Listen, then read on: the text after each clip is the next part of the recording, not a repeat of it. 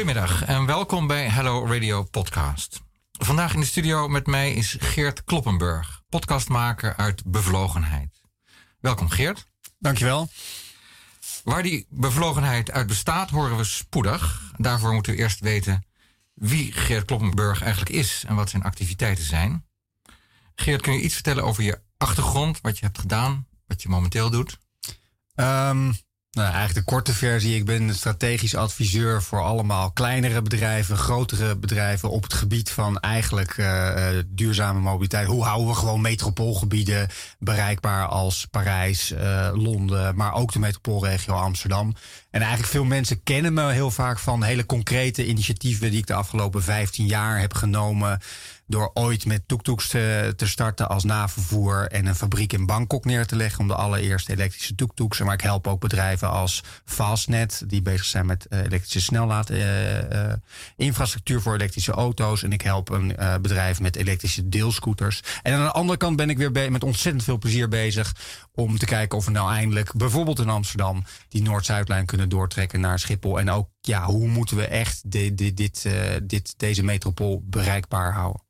Dus je beweegt je op het gebied van, laat ik het noemen, groene mobiliteit in al zijn vormen. En je zorgt dat we niet in de file komen te staan en dat we met het openbaar vervoer kunnen rijden. Ja, en dat heet dan met een heel duur woord. Hoe houden we metropoolgebied duurzaam bereikbaar, inclusief de woningopgave die er natuurlijk ook nog eens een keer bij komt. Want er komen nog wel 250.000 huizen hier in de omgeving bij. Hoe, hoe, komt het dat je zoveel kennis hebt vergaard op dit gebied dat ze jou wel uh, een uh, mobiliteitsgoeroe. Ja, onbegrijpelijk. Dan ga ik ook thuis weg en dan moet ik tegen mijn kinderen vertellen wat ik aan het doen ben. Dan moet ik zeggen dat ik goeroe ga spelen. Dat is een totaal uit de hand gelopen. Uh, Klinkt als een sprookje. ja, het is ook een vars. Dat is, wordt dan op je geplakt en het is. Nee, je bent gewoon. Ik ben met ontzettend veel plezier. Uh, uh, nu al circa 15 jaar. vanuit heel veel verschillende rollen. met eigen bedrijven. Altijd met concrete initiatieven of stichtingen die ik opzet. Met de grootste gedragscampagne in Nederland op het gebied van vervoer.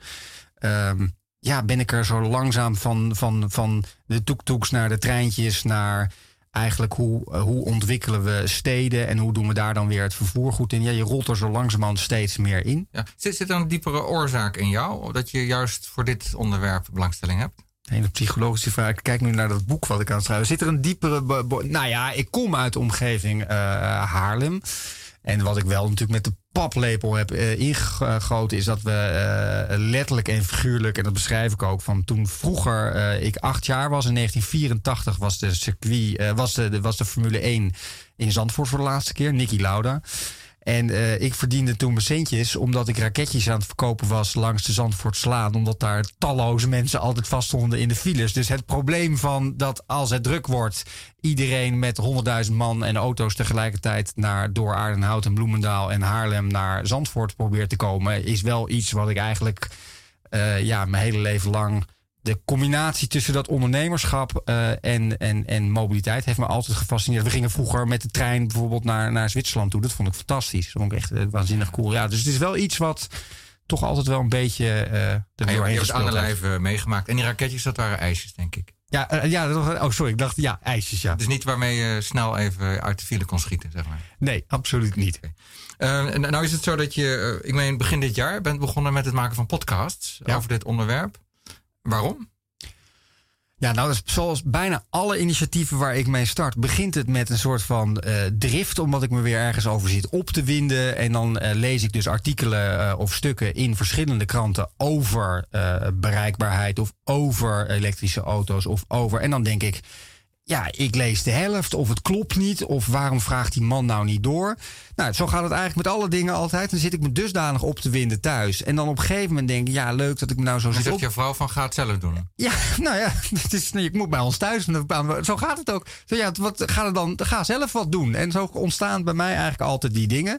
En toen dacht ik, ja, maar dat kan ik natuurlijk helemaal niet. En uh, uh, hoe moet ik dat dan doen? En uh, ik was wel, voor de duidelijkheid, ik ben wel groot, groot fan van bijvoorbeeld Ischa Meijer en uh, uh, Koen Verbraak. Dus de kijken in de ziel van. Dat soort type programma's heb ik wel altijd. Maar werkelijk podcasten, never heard of. Ik had nog nooit van het hele idee uh, gehoord. Totdat ik me zo zat op te winnen. Toen dacht ik, kon ik het zelf doen? En ik heb letterlijk gewoon zitten googelen.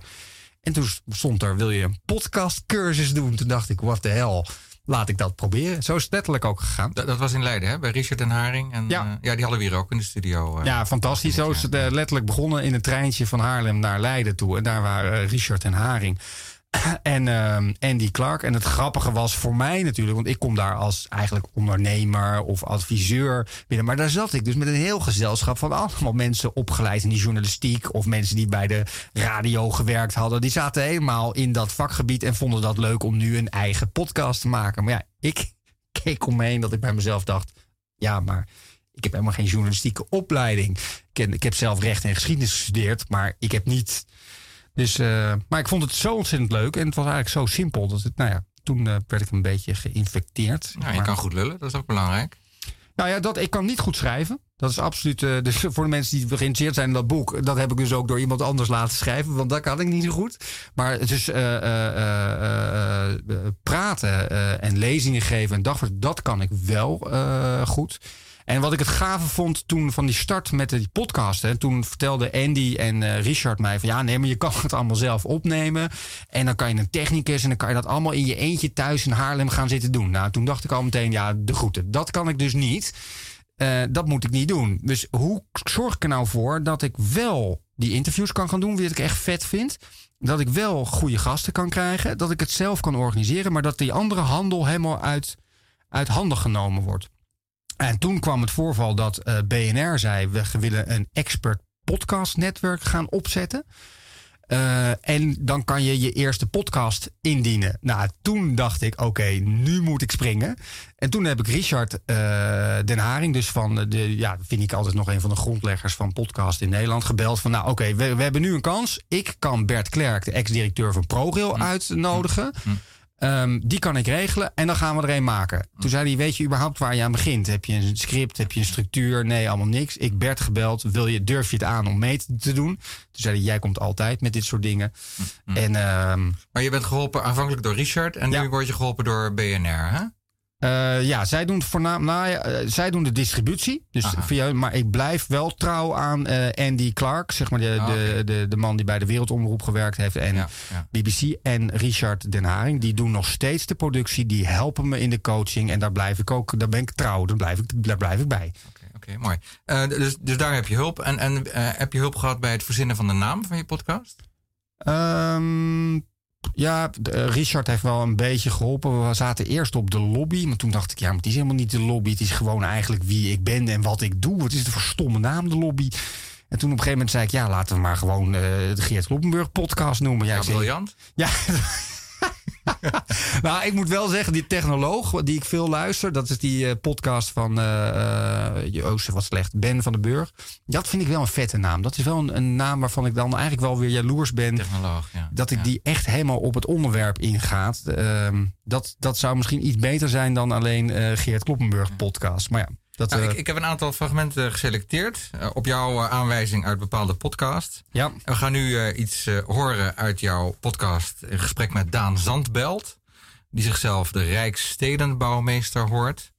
En eh, nou, daarna komen we terug en dan stel ik jou er een vraag over. Yep.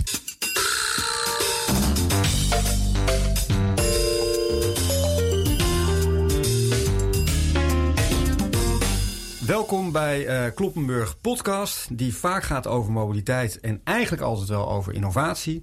Vandaag hebben we te gast. Daan Zandbelt, Rijksadviseur voor de fysieke leefomgeving.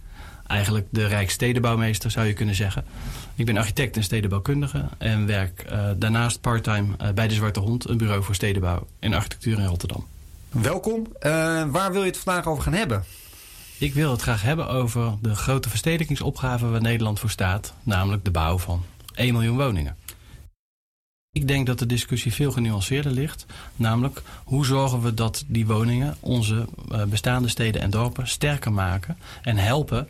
eh, die, dat die woningen die erbij worden gebouwd, dat die helpen om de bestaande voorraad en de bestaande steden eh, energie-neutraal te maken, klimaatbestendig, nog populair te houden.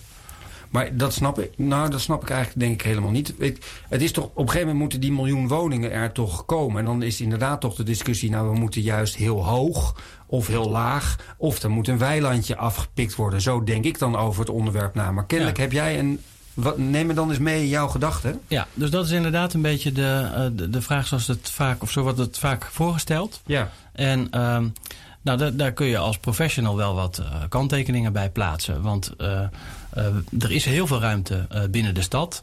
En heel gauw wordt er gedacht, binnen de stad, dan moeten we de lucht in. En dat gaat ten koste van stedelijk groen.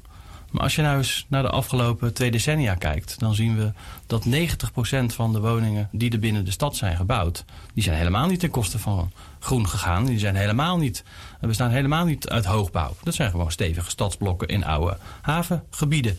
Die zijn er eerder groener op geworden dan, dan minder groen. En de dichtst... Is dat eigenlijk de omkatting van bedrijventerreinen ja. naar wonen? Ja. Uh, Daan Zandbelt, hè, had je uh, in de studio, Rijksstedenbouwmeester. Mijn vraag is eigenlijk niet eens inhoudelijk, maar qua vorm. Want ik hoor jou zeggen van, waar wil je het over hebben? En meestal bepaalt de man die de podcast maakt dat toch, het onderwerp? Uh, ja, dat klopt. Daar werd ik ook alweer op mijn vingers getikt door eigenlijk de professionals. Precies zoals jij het nu aan mij vraagt. Want dat gebeurt nooit. Dat je gewoon aan iemand vraagt: ja, waar wil je het nou eigenlijk over hebben? Ja, dat ik aan hem vroeg.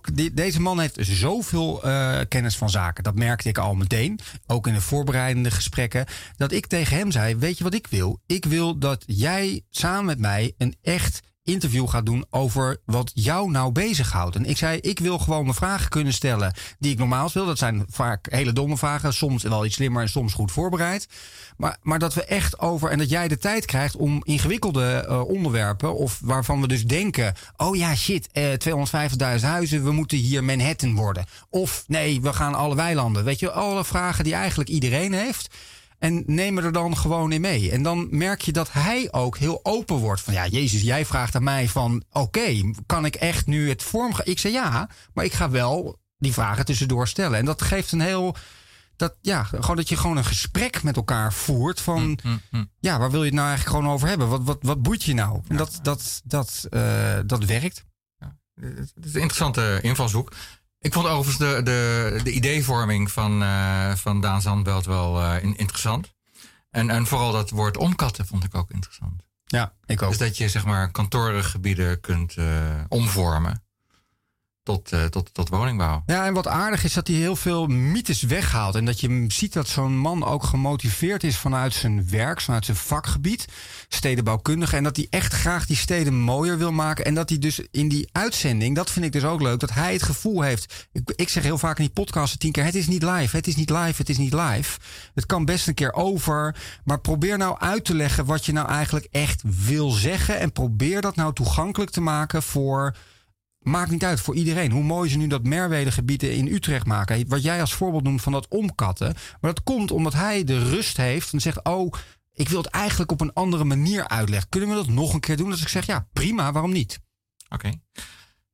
Tot zover. Uh, we draaien even een stukje muziek. Ik heb natuurlijk uh, toepasselijke plaatjes gezocht. Dit is Gary Newman met Cars.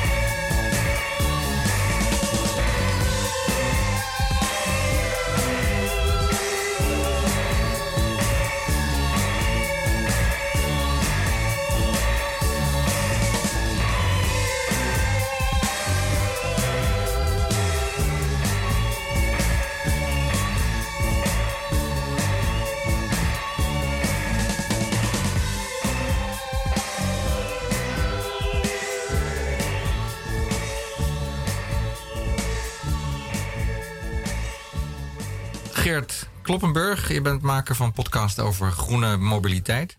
Als ik zo naar die podcast luister, de, de Kloppenburg podcast, gaat het vaak over het bouwen van huizen en steden.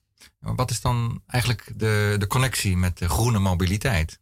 Nou ja, uh, op het moment dat je zoveel extra woningen erbij bouwt en er dus ook zoveel extra woningen, uh, uh, mensen bij komen, wordt de druk op het verkeerssysteem meteen navenant veel groter. En als we dat blijven doen op de wijze waar we op het gedaan hebben. Laten we even hier het voorbeeld Eiburg nemen. Nou, dat is het ergste voorbeeld hoe we het niet moeten doen.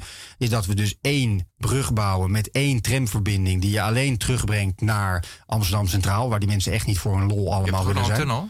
Je hebt ook een tunnel, maar dat staat dus elke dag daar helemaal vast. En op het moment dat je nieuwe steden bouwt en iedereen gaat twee auto's nemen... ja, dan kan je wel ongeveer natellen wat er met het verkeersinfarct ongeveer gaat gebeuren. Dus de grootste kans is als je nieuwe steden en gebieden ontwikkelt, dat je veel uh, tijd en effort aan de publieke ruimte besteedt. Dus veel ruimte om ouderwets te kunnen voetballen op straat, te kunnen spelen, zodat mensen elkaar tegenkomen. En daarvoor zijn stedenbouwkundigen en planologen cruciaal en niet dat ik altijd het noem, is de treintjesfetischisten. Of de mensen die alleen maar met elektrische auto's. Op het moment dat we het in één keer goed inregelen. En dat zien we worldwide. Dat zie ik in Chinese steden. Ik zie het in Parijs. En daar zijn we echt bekend om uh, in Nederland. Omdat soms wel heel goed te doen. Phoenixwijken is niet zo'n heel goed voorbeeld. Maar de wijken die we bijvoorbeeld bij het Java-eiland en zo, daar zie je veel publieke ruimte, veel groen, veel kunnen fietsen, veel kunnen lopen. Ja, dat is hoe we het moeten doen. Ja. Nou, het is leuk dat je het Java-eiland uh, noemt, want we hebben een uh, fragment met uh, Sjoerd Soeters. een bruggetje. Een bruggetje heet dat.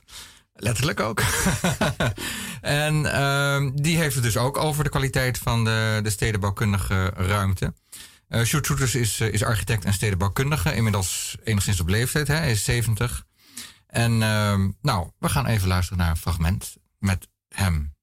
En daarbij is het niet alleen de woning van 50 of 70 of 100 vierkante meter is een criterium. Maar hoe staan die woningen ten opzichte van elkaar aan openbare ruimtes? Welke openbare ruimtes zitten tussen die woningen? En wat zijn de mogelijkheden dat je in die openbare ruimtes die openbaar zijn, of die semi-openbaar of semi-privé zijn, dat je daarin een belangrijk deel van je dagelijkse leven doorbrengt. Als je rotwijken maakt, ja. dan moet iedereen op een vrije zaterdag en zondag moet in de auto klimmen om ergens heen te gaan. Want ja, in mijn buurt is een klote buurt, ik wil eruit. Ik ga, ik ga ergens anders recreëren. Wat vind nou, je echt een schoolvoorbeeld in Amsterdamse waarvan jij zegt, nou dat vind ik echt een rotbuurt geworden? Of is het stedenbouwkundig natuurlijk? Nou, er zijn natuurlijk, ja, wat is een rotbuurt? Nou ja, je hebt natuurlijk buurten die uh, vroeger met het nodige idealisme zijn neergezet. Buiten de ring, hè? Van ja. Easteren in, in West. Ja. Uh, dus uh, plaatachtige gebouwen in het groen. Met waterpartijen, weet ik het allemaal. Die eigenlijk een soort... Die hebben een combinatie van...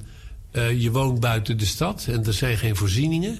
En je woont binnen de stad, maar dat is eigenlijk uh, dat is niet gezellig. dus het is eigenlijk van tweeën niks, vind ik altijd. Ja. Dat zijn een soort uh, stempelachtige uh, wijken... die vroeger voldeden aan het ideaal van licht en lucht en ruimte... maar die eigenlijk niet meer van deze tijd zijn. Ja, wat hij eigenlijk zegt is, je moet ervoor zorgen dat mensen op één plek blijven. dat vind ik wel een interessante constatering of een interessante gedachte. Want daarmee voorkom je mobiliteit dus. Ja, dat, dat is de allerbelangrijkste factor, is verdichten. Dus gewoon mensen niet laten bewegen als het niet nodig is. En dat ze gewoon in hun buurt op een kilometer afstand zoveel mogelijk zowel werk als sociaal als kunnen recreëren. Dat is voor een leefbaarheid van een stad. Dus niet alleen voor het verkeer, maar is gewoon cruciaal. Ja, nou ja, het brengt mij in elk geval op ideeën. En dan stel ik jou de vraag van ja, is dat ook eh, jouw bedoeling eh, om met je podcast mensen op ideeën te brengen? Ja, ja, ja, zeker. Dat is, dat is wel, het, ja, dat is misschien ook wel inderdaad misschien de bevlogenheid of idealistisch. Dat ik denk, ja, hoe kan je die steden weer een beetje mooier maken? En dat vond ik aan het voorbeeld van Sjoerd heel aardig. Die natuurlijk eerste instantie het soort van tegen dat sluisbuurtje was. En dan zat hij enorm te brommen en te brommen. Wat het sluisbeurtje? Het sluisbuurtje zo is in Amsterdam. En daar wilde de gemeente enorme hoogbouw eh, doen. Ik kwam hem daar ergens tegen. En toen stond hij op een podium. En toen stond hij alleen maar te brommen. Echt alleen maar. Want al niks was goed. En toen op een gegeven moment, de laatste vijf minuten. kwam hij met een heel aardig verhaal hoe het wel zou kunnen. En toen ging ik naar hem toe en zei ik zouden we niet een podcast kunnen maken, maar dan halen we dat gebrom van je eruit. Ja, ja. En dan vertel me nou hoe het wel moest. Nou, en wat aardig was, toen tijdens de podcast ging hij ook gewoon weer 20 minuten lang zitten brommen. En dan uiteindelijk, als Die hij dat. Die heb ik gewoon letterlijk er ook al uitgeknipt. Dan moest hij zelf ook heel hard om lachen. Ik zei: Ik wil van jou horen hoe het wel moet. Dus jouw vraag is. Ik wil graag van mensen horen hoe het in oplossingen kan. In plaats van eerst een half uur lang te gaan zitten. Hoe het allemaal niet moet. Daar, daar, we hebben mensen nodig die oplossingen bieden. Dat is waar we in steden eh, eh, en in wijken en in straten waar mensen behoefte aan hebben. Eh, ik begin jou steeds beter te leren kennen. Ehm, je bent in elk geval een podcastmaker die bevlogen is. Maar goed, eigenlijk zijn alle podcastmakers wel bevlogen.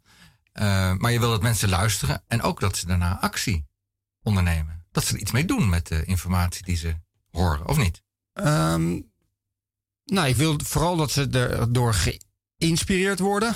Dat vind ik eigenlijk het belangrijkste. Dat ze zeggen, hé, hey, het kan dus wel. Het kan op een andere manier. Dat is eigenlijk de hoofdreden.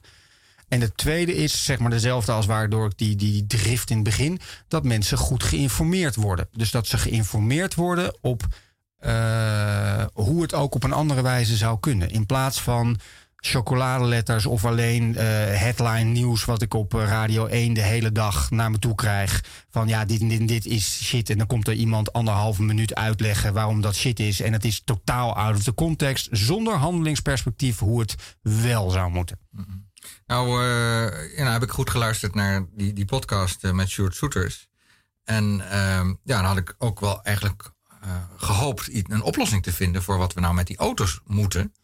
Ehm, maar ja, volgens mij had hij het al- alleen maar over van ja, die, die auto's moeten onder het maaiveld. Of die auto's die moeten aan de randen van de stad. Of, of heb ik eh, verkeerd geluisterd? Of heb je andere oplossingen daarvoor? Wat we met die auto's aan moeten? Dan zitten we toch aan gebakken, lijkt het. Hè? Nee, maar hij is, wel, hij is vrij stellig hoor. Hij zegt gewoon, we moeten van die auto's gewoon af. Gewoon Dat af. is- ja, dat Weg zegt hij ook. Ja, dat Hij zegt er hij. zelf vijf, hè? Ja, dat zegt hij ook, maar die zitten wel ergens totaal ergens anders. Die zitten niet in de stad. Hetgene waar hij eh, ook hoe hij Java-eiland heeft ontworpen. Hij zei: ja, we kunnen gewoon niet met zoveel auto's in zo'n klein gebied. Dat zit hij als stedenbouwkundige en planoloog. Zegt hij ook: we moeten gewoon lopen. Eh, dat is de menselijke maat. Dat vind ik al heel aardig. Dat je elkaar kan ontmoeten in de publieke ruimte, fietsen. En eh, dat die auto's gewoon. Dat gaat gewoon helemaal niet.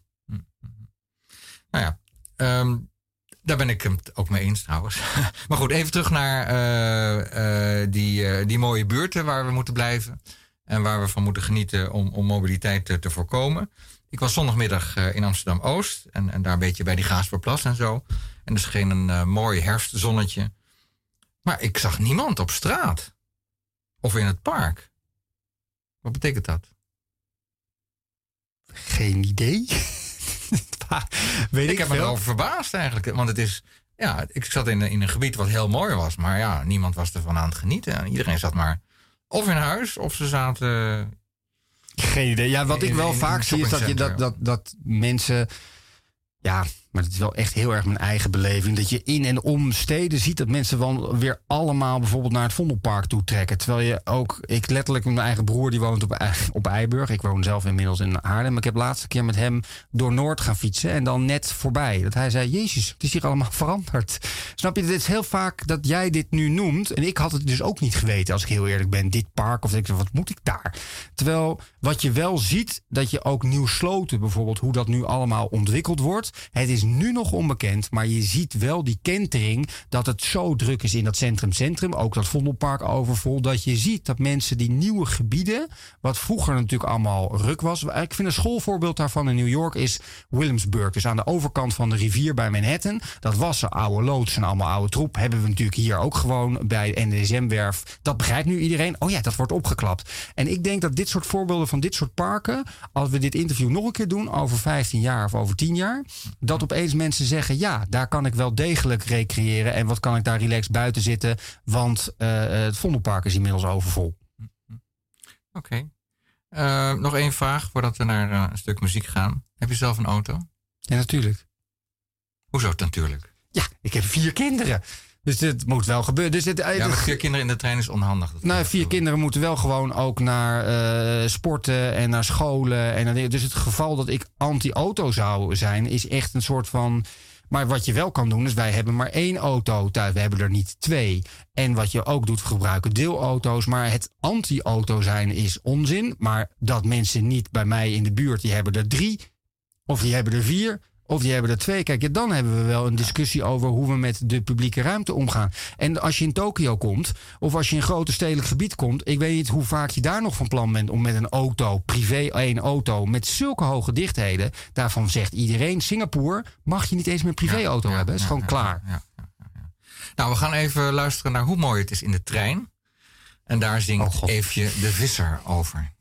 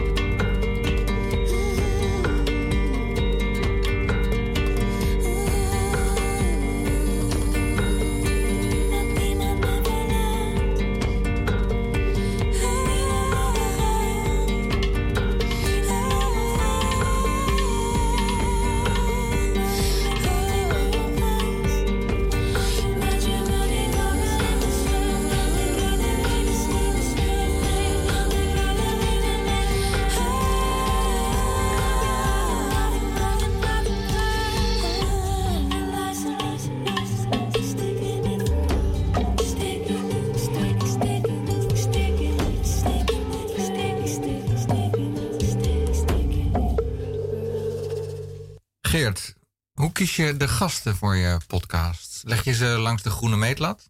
Nee, totaal niet. En ik ben ook niet zo groen, daar word ik ook zo moe van. Um, ik, hoe kunnen we dat op een normaal... Nee, hoe, selecteer ik ze? Um, ja, vaak zoek ik bevlogen mensen. Dat kunnen ondernemers zijn. Dat kunnen wetenschappers zijn. Dat kunnen uh, beleidsmakers soms zijn. Vaak. Nou ja. en, en, en dan kijk je van.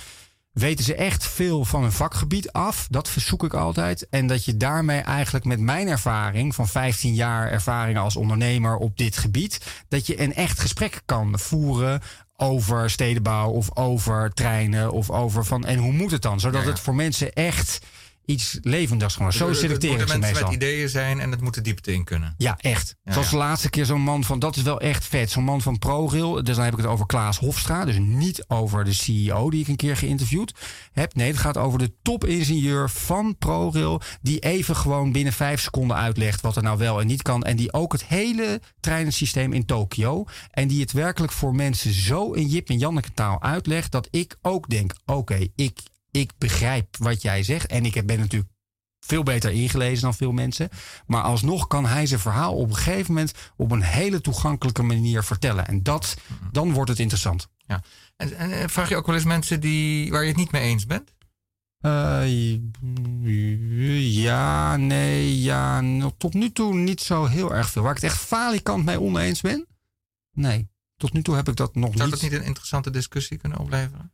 Um, ja, dat zou kunnen. Zou ik zeker kunnen doen. Heb ik tot nu toe nog niet aan gedacht. Ik heb tot nu toe, juist omdat ik probeer voorbeelden naar voren te halen hoe dingen wel kunnen omdat vaak ingewikkelde materie, we begonnen net al even over auto's en dan gaat de parkeerdiscussie en wat het allemaal is, allemaal al los. Dus of wat je wel of niet met treinen kan doen of waar die huizen. Dat zijn best wel ingewikkelde issues. En om die in klant en, uh, kant-en-klare brokken to the point. Met alle mythes die iedereen heeft. Al die vragen. Ja, maar hoe zit dat dan? Hoe zit dat dan? Hoe zit dit? Ja, maar de groete. En jij doet het, eh, weet je. Dan doe ik veel liever dat. Dan concentreer ik me daarop.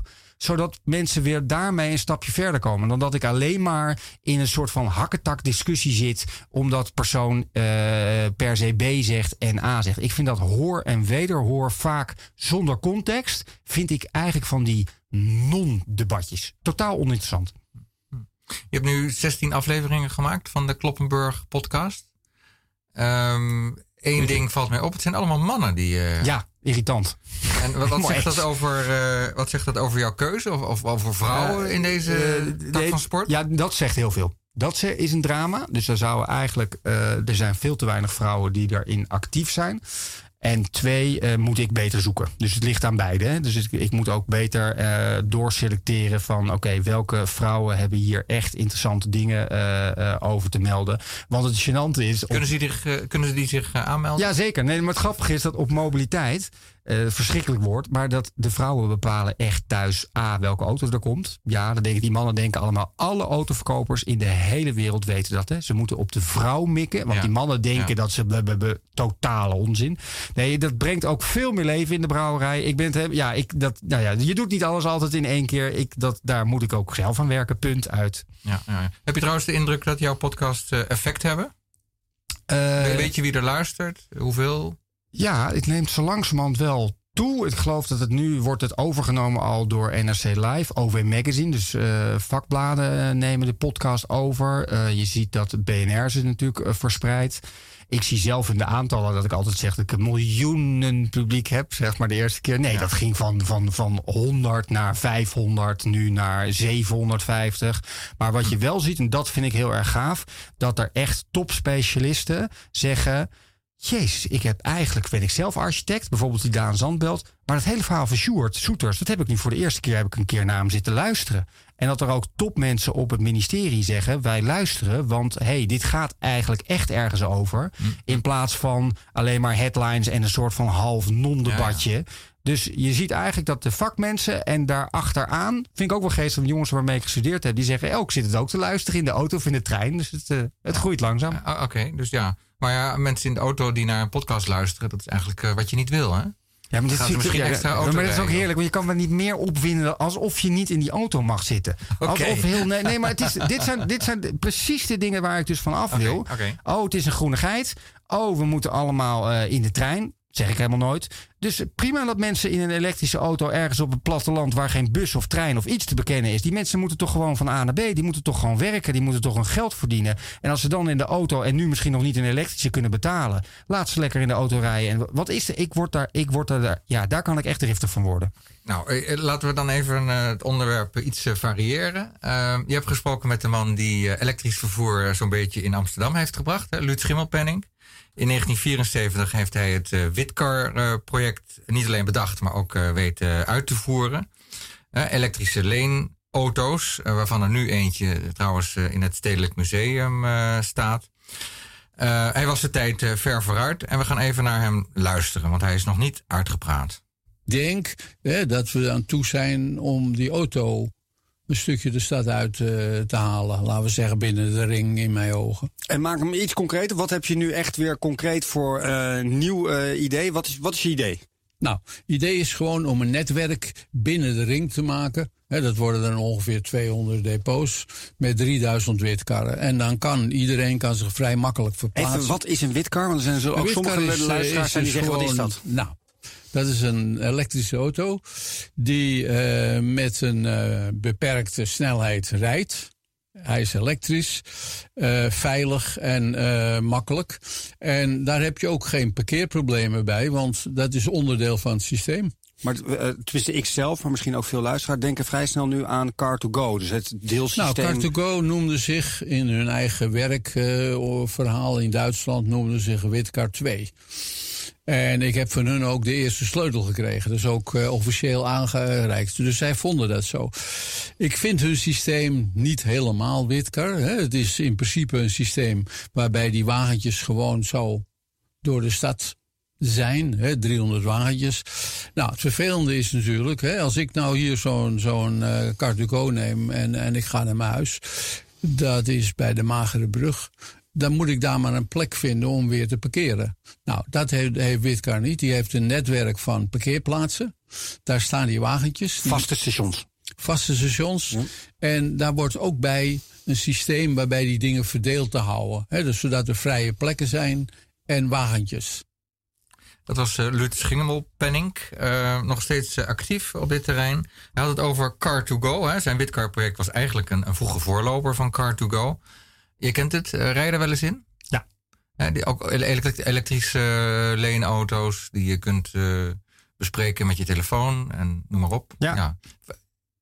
Wat vind je ervan? Is het een oplossing? Zeker, het is, een, het is een deeloplossing. Dus het is niet een oplossing voor alles. Maar het is een oplossing zeker voor ja, heel veel verschillende dingen. Maar wat ik het inspirerende vind zelf aan uh, Luut Schimmelpenning... en overigens zei uh, minister Wiebes dat ook in zomergasten... dat dit niet alleen maar een soort van pionier is. En niet alleen maar zegt, ja, maar zo. Maar het is gewoon een techneut die een concept ontwikkelt en iets maakt en iets doorrekent en iets doet. Dus hij is niet tegen. Hij maakt iets. Hij creëert iets. En hij is het ook aan het doorrekenen en aan het proberen. Dat is wat mij fascineert aan deze man. Die dat dus al ver voor de muziek uit aan het doen was. En dat is waar ik van hou. En dat vind ik ook leuk om die mensen te interviewen. Die dus met dat, zoals ik al eerder zei, met oplossingen komen. En dat die wel eens een keer misgaan. Of dat die misschien tijd ver vooruit was.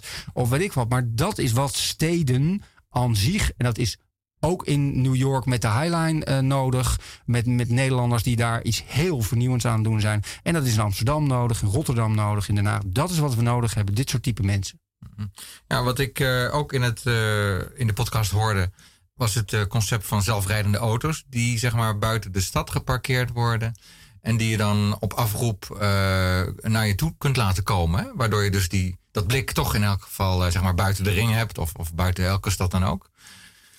Is dat ook een, uh, dat, inspiratie voor jou? Ja, ik sprak Maarten Sierhuis. ja, een van de echte toponderzoekers in San Francisco. is gewoon die man die gewoon een Rotterdammer. Die werkt al twintig jaar voor het onderzoekslab van Nissan in Silicon Valley. Dus echt niet de minste. Hè. Die wordt daar ook voor allemaal eh, programma's. En die is de hele dag met dat zelfrijdende uh, bezig. En die vertelt dan van ja, wat, wat er zou kunnen gaan gebeuren op het moment dat die autootjes zelf gaan rijden. Waar het wel en waar het niet effect heeft.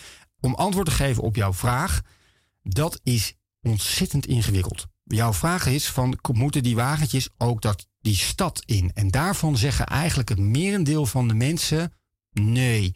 A, die illusie dat wij op de achterbank zullen zitten en dat een Google-wagentje ons zogenaamd op de hoek van de Bilderdijkstraat samen met de Constantijn Huygens, terwijl geen Amsterdammer zich aan de regels houdt, uh, et cetera, et cetera. Kansloos. Maar dat zegt die man ook in die podcast. Dat is heel aardig, want het gaat dus niet over de mythe van de zelfrijdende auto die hier alles zit. Nee, deze man weet gewoon, die praat over level 1, level 2, level 3 van automatisering. En die zegt de eerste stappen die wij gaan doen is op de snelweg.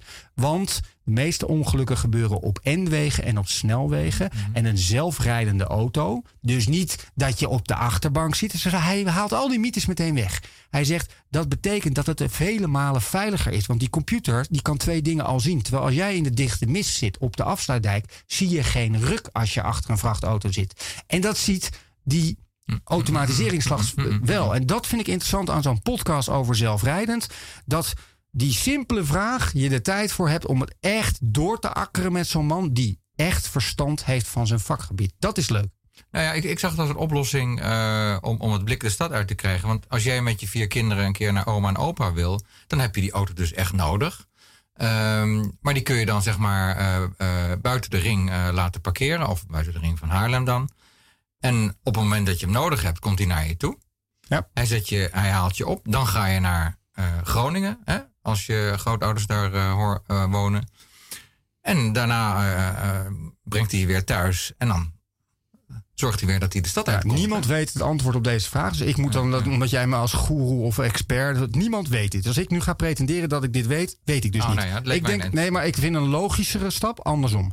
Ja. Dat je zegt, we houden de steden op lopen en op fietsen en op collectief vervoer. Vooral onder de grond zie je wereldwijd alle metrosystemen echt de grond. Overal, overal waar die grote steden komen, zeggen ze onder de grond en snel. Dat je dus die auto naar de rand zelf reist met je kinderen. En dat je vanaf daar een huurauto, mm, een deelauto, mm, mm, een car to go pakt om naar je familie toe te gaan, omdat die in het platteland leeft of ergens anders. Dat is een voor mijn gevoel een loos. Maar weet ik dat zeker? Nee. Nou, nog een één plaatje, het laatste plaatje. Uh, ik kon geen uh, nummer vinden over elektrische auto's. Maar ik vond wel. Uh, wat? Die zijn stil. ja, deze maken wel geluid. Ik vind het trouwens een heel mooi geluid ook. Ja, dat vind ik ook. Um, dat is ja, het is zeg maar een, een specifiek geproduceerd geluid. Maar goed, ik vond Electric Light Orchestra. En die hebben een plaatje gemaakt dat heet Mr. Blue Sky. En dat is de blauwe lucht die wij in de stad hopen te blijven zien.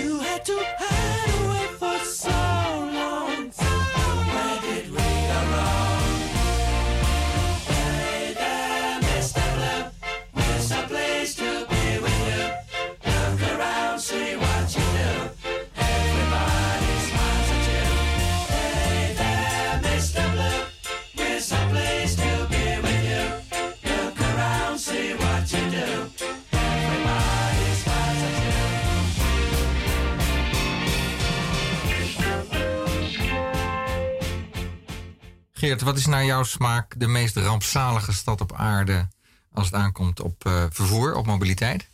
Um, ja, door alle specialisten wordt altijd. Uh, ik ben natuurlijk niet overal geweest, maar Los Angeles gezegd. En daar ben ik ook zelf geweest. En toen moest ik ook wel heel eerlijk zeggen dat dat wel echt het schoolvoorbeeld is uh, hoe het niet moet. Om drie redenen. Eén, ze hadden ooit in de jaren 60, 70 het allerbeste tramnetwerk van de hele wereld. Dat hebben ze systematisch door de hele autolobby volledig afgebroken. Daarna is die stad als een soort van, ze noemden het, ja, ik vind het een verschrikkelijk woord, maar ze noemen het, hij is een soort van, as a, as a cancer, als een kanker, is het helemaal uitgespreid. Het is, alles is aan elkaar geklonterd en alles is gemaakt op de auto. En wat je dus ook ziet daar, alles staat daar de hele dag vast. Als je daar van links naar rechts wil gaan, het is één grote nachtmerrie. Ja, ja. Zelf dacht ik aan, eh, aan Bangkok.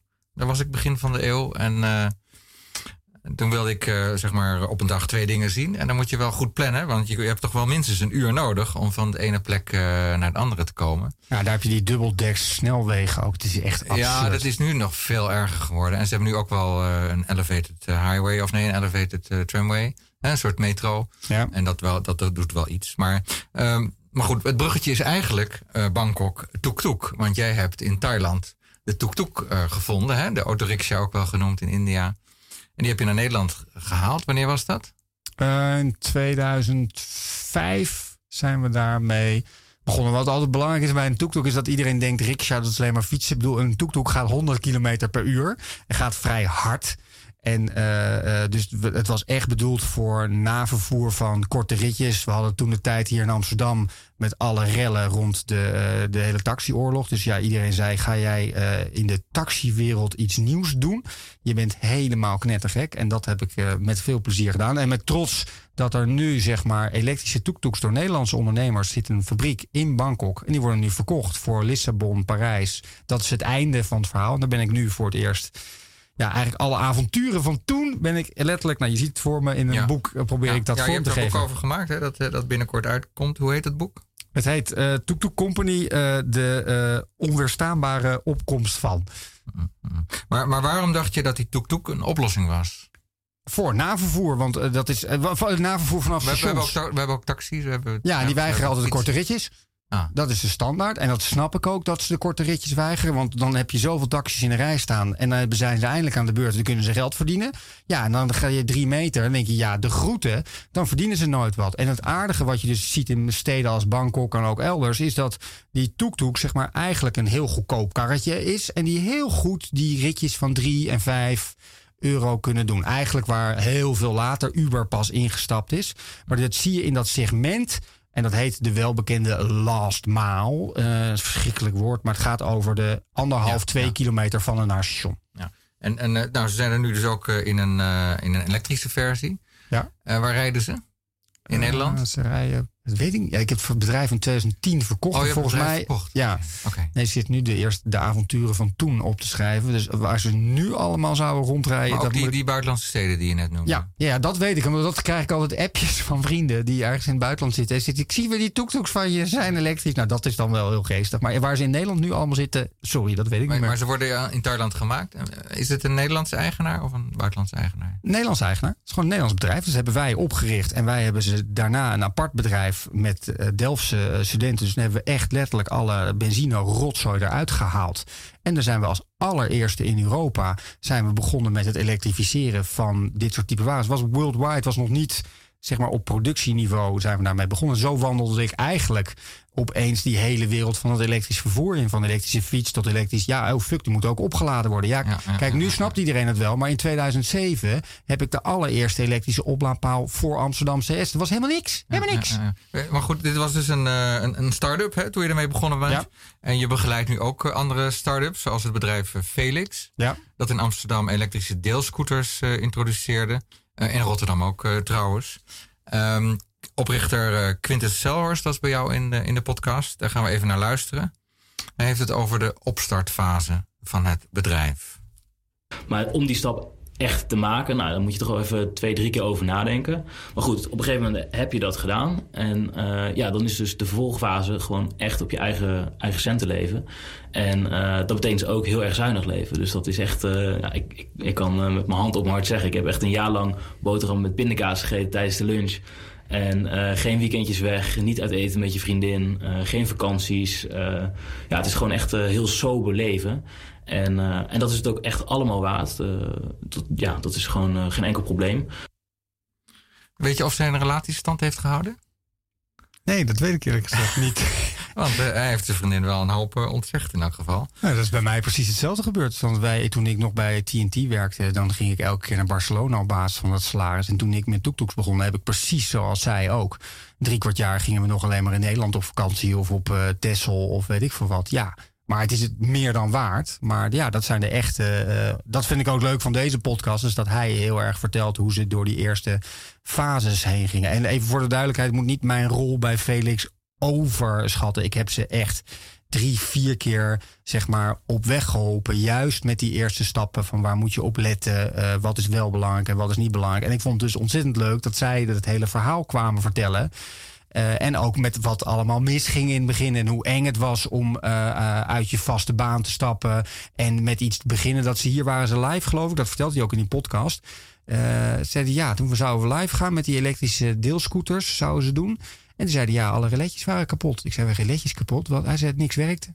Ik zei, we moesten binnen een week live. Ik zei, dat herkende ik natuurlijk enorm. Dat wij met toektoeks ooit hier uh, in Zandvoort en Amsterdam uh, begonnen. En dat we geen vergunning hadden. En dat we wel de opening hadden bedacht. En dat iedereen enthousiast was. En wij dachten bij onszelf. Uh, en dat je dan hoort hoe ze dat overwinnen. En hoe ze daar hun stappen opnemen. Het zijn echt, ik vind het ontzettend knap wat deze gasten doen. En ik heb er veel respect voor. Dus je, je, je bent tegen dezelfde problemen aangelopen als bij het opstarten van Toektoek? Nou, je ziet wel veel de, de, dezelfde dingen natuurlijk. Ze zitten met uh, iets op mobiliteit, ze zitten met vergunningen, ze zitten met publieke ruimte. Ze kregen meteen die vraagstukken op zich af van ja, maar ga, waar ga je de deelfietsen, de strooifietsen? Oh ja, maar hoe moet het dan met die deel? Er was natuurlijk geen beleid nog van de gemeente Amsterdam. Dus Pieter Litjes zei ook, ja, we willen dit soort innovaties wel hebben, maar geen beleid. Ja, we moeten vooral veel innovaties hebben. En dan kom je en dan begint het, hè, de gemeente gemiddelde Amsterdam. Moet ik niet op de straat hebben op Sodemieter? Terwijl je denkt, nou...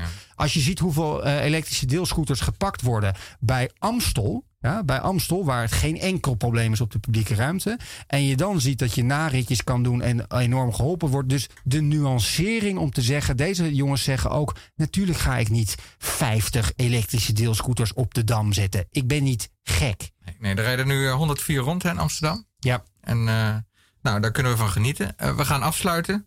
Uh, ik dank je hartelijk voor je komst, Geert Kloppenburg. En ik dank de luisteren voor het uh, luisteren naar uh, Hello Radio Podcast. Um, luister het na via luisterdoc.nl of helloradio.eu. Maar klik natuurlijk ook naar geertkloppenburg.nl en luister naar de Kloppenburg Podcast. Dankjewel, tot volgende week. Dankjewel.